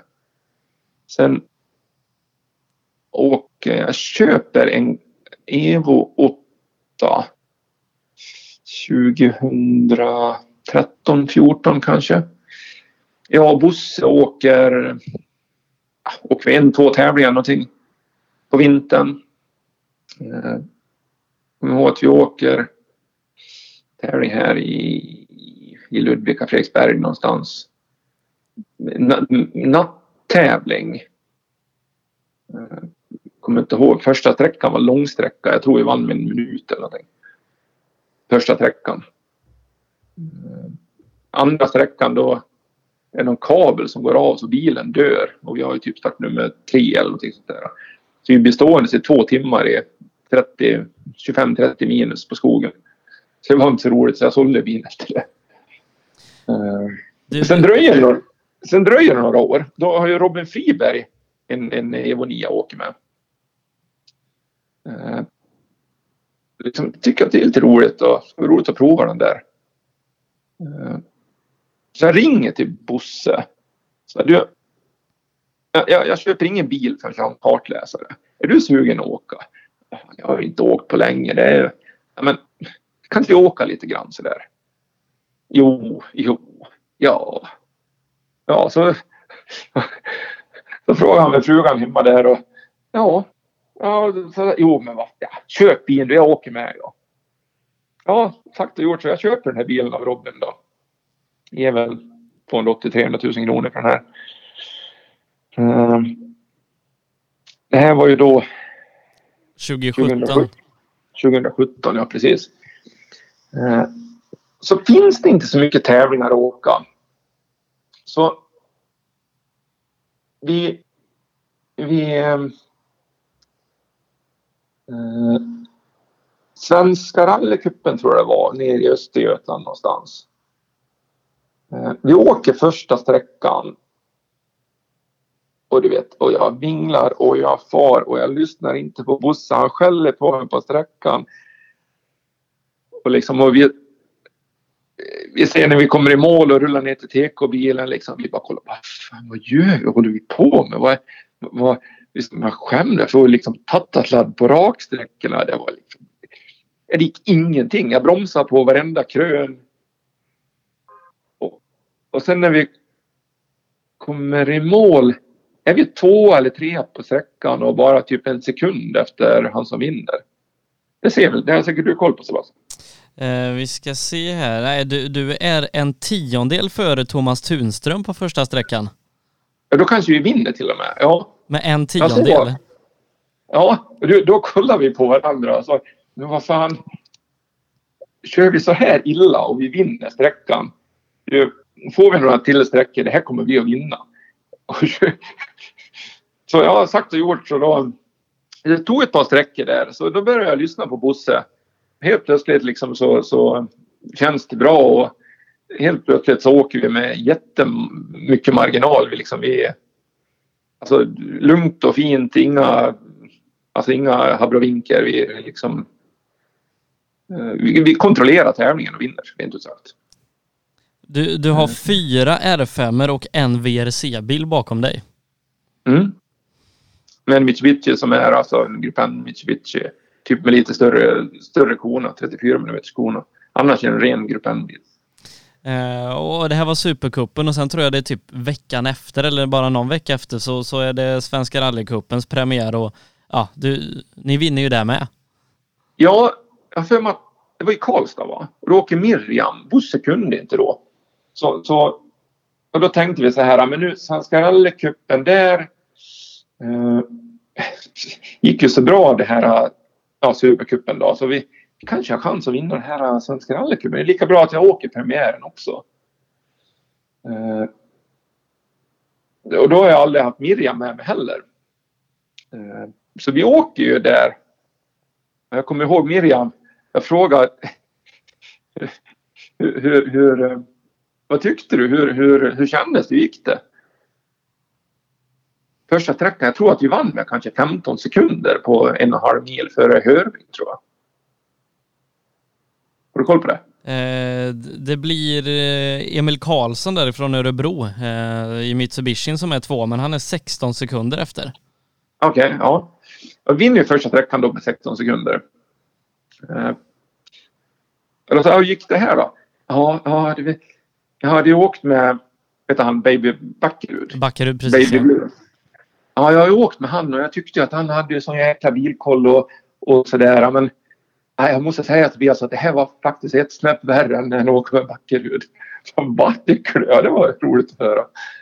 Uh, ja, alltså sen resten av tävlingen så åker vi i stort sett och bara kontrollerar tävlingen. Men jag tror att vi vinner alla sträckor. Ja, ja du, du vinner med 45 sekunder före Eddie Hörbing som, eh, som då har en R5 och så Jakob Jansson är med också i Evo 10 som, och han är ju då liksom svensk mästare. Uh...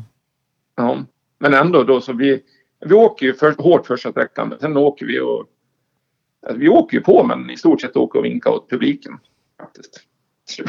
Så det var ju roligt. Och sen vart ju resten av året tror vi vann i stort sett alla sträckor i alla deltävlingar. Ja, eh, det, du skulle ju åka lite SM där eh, i, Gävle. Ja, just det, just det. Eh, och, och det, ja, det blir väl en punka eller något sånt där? Ganska Nej, vi, vi, vi, vi sköt en turboslang på första sträckan i Gävle. För då, då sa vi att nu när vi hänger med i Svenska rallycupen är det lika bra att vi provar att åka SM också. Eh, skjuter en turboslang och tappar väl två minuter på första sträckan. Eh, och då var det ju då, eller turbolang gick inte sönder utan den var inte riktigt åtdragen efter turbobesiktningen så att det är bara att sätta tillbaka slangen och skruva dit klamman. Eh, och det gör vi på sträckan då. Eh, men sen, sen eh, jag tror att det var åtta sträckor där. Sen vinner vi alla resterande sju sträckor ja. totalt. Ja det gör ni och den ni inte vinner den vinner Emil Bergqvist i en golf så det, var, det var en ganska intressant tävling. ja. Eh, så jag tror nog att jag har haft god chans att vinna tävlingen där faktiskt. Eh, men, men sen, eh, det, det är ett av mina liksom bästa minnen från, från SM, om man ska se senare tid då. Eh, Kolsvarundan 2017. Mattias Adelsson har ju blandat lite under året med att kört lite utomlands och, och sånt där och, och kommer hem igen med den här Evo 8 som de har gjort i ordning. Och ni har ju ja. en sån otrolig fight. Mm. Ja, det var roligt alltså. Riktigt, riktigt roligt. Och det är alltså vi, vi det är också en sån här en tävling som man eh, aldrig kommer att glömma. Eh, så roligt liksom med alla de här eh, R5 och liksom och, och, så åker vi så pass hårt och det, jag vet inte, i slut det är väl bara ett par sekunder tror jag i mål. Ja, när vi går till nattvila, eh, för det är en ganska regnig första dag, eh, blött och jäkligt här, men då leder du med 0,2 sekunder och, och, ni liksom håller på och fightas fram och tillbaka under dagen där du, du leder med 16 sekunder vid något tillfälle men så gör Adilsson eh, någon jättesträcka och, och helt plötsligt så, ja, du vinner till slut med 4,5 sekunder. Ja. Ja, det var, det var en rolig tävling. Och, och, det är ju typ, men ska man se de här lite äldre Mitsubishi-bilarna, det är ju liksom bland det snabbaste man kört med dem i, i, på senare tid och frågan om de någonsin kommer kunna vara så konkurrenskraftiga igen. Ja, det gick nog över gränsen lite här och var faktiskt för båda de här två. Det, ja, då, då tog vi i riktigt, riktigt bra faktiskt. Eh, till, till 2018 så ändrar man ju om lite i SM. De här bilarna eh, bryts ut då och R5-klassen blir en mer eller mindre ren R5-klass. Det är Jakob Jansson som får köra R4 i ett par tävlingar där. Eh, men, det är ju också eh, ett, ett bra år för dig, även om det kanske inte är lika tufft som det var i Kolsvarundan. Ja. Eh, ja, det, vi åker ju, vi har ju lite, jag kommer ihåg Sydsvenska där så kör vi sönder motorn. Så han går ju inte riktigt, men vi lyckas ändå ta oss i mål helt, alltså ingen kompression alls i stort sett. Eh, vi lyckas och, och, vi hade inte tagit oss i mål om det inte hade strukit sista sträckan. Eh, för att motorn var alltså helt, han var, han var skrot. Så vi lyckas ta oss på bilen och hålla ända in till, till målrampen. Eh, så, så vi vann väl, inte totalt, utan vi vann väl klassen tror jag i en hel del tävlingar i SM då 2018. Så hoppade vi över en tävling för att vi var väl så pass säkra på att Ja, ja, ni, ni, blev nog klara mästare i Hässleholm även om bilen gick sönder på fredagen. Ja, ja, precis. Ehm, så ja. Så vi vart ju, vi vart svenska mästare där till slut. Och, och det, även om du har medaljer sen innan, så är väl det första SM-guldet? Ja, men det är ju egentligen... Jag har ju bara åkt SM ett år. Det var ju 2002 när jag åkte Grupp där. Som jag åkte alltså en hel säsong. Så egentligen, jag har all, då, det var en gång jag åkte en hel SM-säsong. Även då nu 2018 så åkte jag inte hela SM-säsongen. Vi hoppade över en tävling. Så jag, ja. Och, och sen i finalen då så tillsammans med, med Tools och, och så, så, så gör du ju en, en ganska bra satsning med, med Gran Motorsports eh, VRC-fokus. Ja. Eh, det var liksom lite snabbt påkommet det här. Eh, förberedelserna var kanske inte de mest optimala. Har jobbat liksom alldeles för mycket. Eh, skruvar väl upp förväntningarna alldeles för hårt. Egentligen. Sen, sen på fredagskvällen där jag, eh, jag känner väl att, att eh, dyr bil, kan väl inte åka avslappnat. Jag vet att eh, åker jag vägen så har jag inte råd att reparera den. Jag har råd att betala självrisken men det blir alldeles för mycket pengar. En bil liksom för flera miljoner. Eh, så att eh, jag, jag, kan inte åka avslappnat. Eh, några sträckor på slutet som vi åker bättre men, men vi åker inte som vi kan, som vi ska. Det gör vi inte på hela tävlingen. Men, men, svensk mästare där då och sen så ser man till nästa år och, och man ser R5 då, vi pratar Flodin, vi pratar Kristoffersson eh, och senare under året PG Andersson och eh, Fredrik Olin och det är liksom VM-klass på startfältet och, och, vi ser ju det inte i inledningen av säsongen men blir du sugen någon gång och liksom med, med vetskapen om, om hur snabb du och Bosse är att, att ge dig in i fighten? Alltså sugen, ja, enormt. Eh, men, men eh, jag sålde ju bilen på hösten till Stig Andervang. Och liksom att för mycket med, med, med firman, med jobbet. Eh, och jag har inte råd att lägga de pengarna själv och betala ur egen ficka. Eh, det är för mycket pengar. Mm, så det, det är ren ekonomisk fråga att inte, ren ekonomisk fråga att vi inte fortsätter. Eh, och, och, i år så, så har det blivit som det blivit men, men liksom eh, är, är, karriären över på, på, på, den nivån eh, eller är det, är det appendix som, som hägrar? Jag vet inte, när man fyller 40 får jag börja med appendix så det, det kanske det blir någon bil. Men, men jag ska jobba jag ska jobba hårt ett antal år till så, så lite appendix och det kanske... En R5 är jag jäkligt sugen att köpa faktiskt. N när man ser eh, hur, SM ska bli framöver med, med ett ja, vanligt traditionellt SM och vi vet redan till nästa år att eh, det, blir nya tävlingar i Boden och eh, på, på Gotland och så ett sprintmästerskap på både asfalt och grus. Eh, är det någonting som, som liksom lockar dig, det, det nytänkande? Ja, sen vet jag ju alltså nu vet inte jag hur mycket officiellt det här är så jag ska väl inte säga någonting. Men ja, av olika anledningar så är jag väldigt, väldigt sugen att åka i alla fall någon tävling som hjärtat brinner varmt för. Så får ni väl fundera lite själva där. Ja, jag... jag... jag, jag vet, är, är, tävlings, tävlingarna officiella? Eller? Eh, tävlingarna i alla mästerskap är officiella. Okej. Okay. Även sprint-SM. Även sprint-SM, så att jag, ja, jag vet att det, det, är en tävling som går ganska nära eh, dig. Ja, precis, precis. Det är ju den jag tänkte på. Jag tänkte att jag säger för mycket. Eh, och, och, den sträckan eh, just, är ju då samma som eh, de har kört här tidigare. Där hittar jag väldigt bra. Och jag tycker om den rejält. Jag bor två kilometer ifrån så att det, det är jag ju jättesugen att köpa en bil och åka. Eh, så 22 augusti då så, så, så, ska det köras sprint till Ludvika.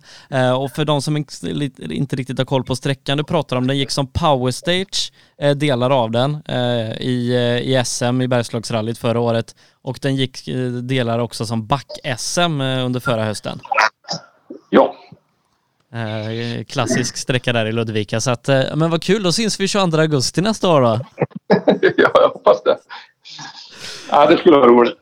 Eh, du eh, Tobias, med, med liksom facit i hand om hur allting eh, har blivit och med, med all den erfarenhet och visdom du samlat på dig, vad, vad skulle du ge dig själv för råd eh, i början av din karriär med, med allt det du vet och har varit med om nu?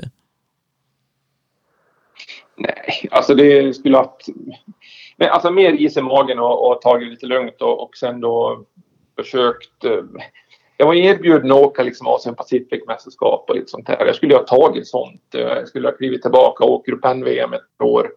Eh, sen gick det väl egentligen lite för fort innan jag satt i VRC i VM. Jag skulle nog behöva åkt två år i Grupp N VM till exempel. Eller åkt eh, så att man har åkt alla VM-tävlingar kanske en, två gånger innan man sätter sig i en VRC-bil. Det, det gick lite väl fort där. Men, men eh, man vill ju liksom... Vill ju, viljan var ju liksom enorm. Och, och förnuftet kanske inte var lika mycket. Men, men är du liksom, när du ser tillbaka på, på vad du åstadkommit, är, är du nöjd eller är du besviken? Nej, alltså det... Alltså besviken att jag, att jag gav upp, det är jag, ja. Uh, sen nöjd, alltså de... Alltså om jag ska sitta och berätta alla gamla minnen, då kan jag hålla på i två dagar till. Jag, jag brukar säga det till... till jag, jag och Bosse, Bosse brukar säga det till varandra. Eh, när, när vi båda är med, då kan man ju sitta och prata öppet för att då är det en som ska säga ja det är så. För att annars, folk tror ju att man, att man ljuger. För att man har varit med om så mycket konstiga saker runt om i hela världen. Eh, och prata med någon som inte har varit på den nivån de tror inte att det är sant. Mm. Så att vi skulle kunna sitta och prata två dagar. Eh, men, men oavsett liksom hur det blev och vad som hände så har du ändå, du har ändå kört rally-VM i VRC-bil eh, i ett fabriksteam. Eh, något som, som är nästintill ouppnåeligt för, för många som, som drömmer om att bli rallyförare. Ja. Alltså det är ju vad ska man säga, det är ju alltså en, en dröm att komma dit och alltihopa men, men, men, men drömmen är ju bättre än verkligheten. Jag fattar. Uh, det, det, livet är inte så glamoröst som man kan tro. Uh, det är ingen dans på rosor. Det är sju dagar i veckan, år ut år in, upp tidigt, uh, springa, träna, liksom att man har gått på kontroll vid, vid eh, Formula Medicine i, i Viareggio i Italien. Eh, vi har haft eh, personliga tränare, fysioterapeuter, egna kockar med oss. Ja, det är mycket träning, mycket rally. Det är dygnet runt, året runt. Det är jäkligt hårt arbete. Du Tobias, det har varit oerhört roligt att, att få, få prata om det här med dig eh, och så hoppas jag innerligt att eh, vi syns på en rallytävling snart igen. Ja, det hoppas jag med. Du, har det jättefint eh, så, så syns och hörs vi framöver. Ja, tack detsamma. Tack, hej. Hej då. Ja, som sagt ett eh, långt men härligt samtal med Tobias Johansson som gav oss en eh, inblick lite i, hur det var eh, när han tog sig fram Eh, och till slut då hamnade i, i rally-VM och, och, varför det inte blev eh, något mer sen. Eh, nästa vecka så är vi tillbaka. Vi kör ju de här poddarna juli månad ut. Eh, sen så får vi se vad som händer. Eh, tack vare de sponsorer som vi har eh, så kan vi köra juli ut och så får framtiden utvisa vad som händer sen. Jag vill tacka MP5 Sweden, Nyba AB, Ramudden, AM Elteknik, Jigemark, Jirvelius Store, PP Engineering, Yokohama och Appelskogs bil. Förutom de här fantastiska företagen och människorna så hade de här poddarna aldrig varit möjliga att genomföra nu i snart 20 veckor som vi gjort det här under coronapandemin och förhoppningsvis har det också varit uppskattat av er där ute. Eh, ska också säga att vi har ett samarbete med den amerikanska rallysajten Dirtfish. De skriver, de poddar, gör videos om eh, rally-VM, rallycross och mycket annat. Bland annat med gamla VRC radio och tv-journalisten Colin Clark och autosportskribenten David Evans. Så att eh, på dirtfish.com kan man läsa senaste nytt om rally. Eh, men man kan också handla schyssta rallygrejer, eh, till exempel tröjor, kepsar, mössor. Jag har en termosmugg här som jag dricker vatten ur idag och mycket annat. Och använder man koden 15RallyLive då får man 15% rabatt. Och så kan man bland annat då köpa en sån här snygg Dirtfish hoodie som jag har bland annat. Fram tills sista juli är det den här rabattkoden gäller så att man har ett par veckor på sig att kika ut vad man vill handla där.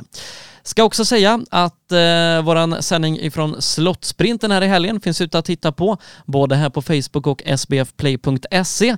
Eh, över 60 000 har sett sändningen hittills, så har du inte gjort det så gå in och kika lite längre ner här i flödet eh, eller så går du in på SBF Play och kikar den vägen. Nästa vecka, som sagt, är vi tillbaka eh, och då är det nog faktiskt det näst sista programmet som vi kommer att genomföra. Så hoppas ni finns med oss då, 19.00 här på Rally Lives Facebook-sida. Eh, ha en fin vecka, ta hand om er, tvätta händerna, nys i armvecken och ja, allt sånt där. Ni kan det där nu.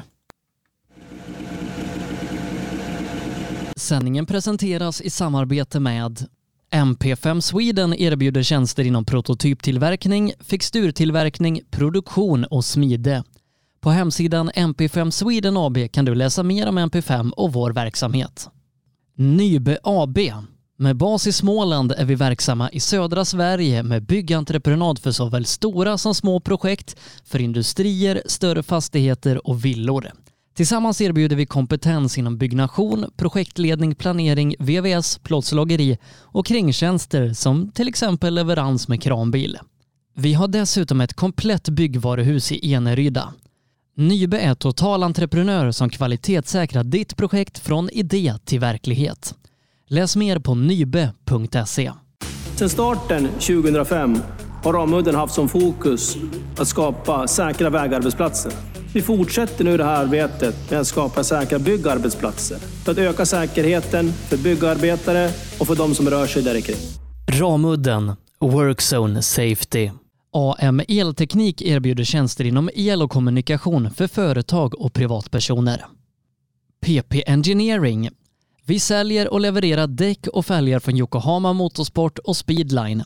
Vi är specialiserade på tävlingsdäck för rally och racingverksamhet, men erbjuder även fälgar för lastbilar och däck till din historiska personbil. Alla våra produkter är framtagna för hög prestanda. Läs mer på ppengineering.se. Appelskogsbil är din Peugeot-återförsäljare i Linköping. Vi har även verkstad och ett stort antal begagnade bilar i lager. Kom och besök oss på Attorpsgatan 1 i Linköping eller besök hemsidan appelskogsbil.se. Girvelius Store, en butik med stort utbud. Vi har det mesta från heminredning och accessoarer till jakt och fiskeutrustning. Vi är dessutom Swedol-partner. Besök vår butik på Vallgatan 45 i Fjugestad eller vår webbshop girvelius.com. JG Mark är ett företag som utför mark, sten och betongarbeten. Läs mer på jgmark.se.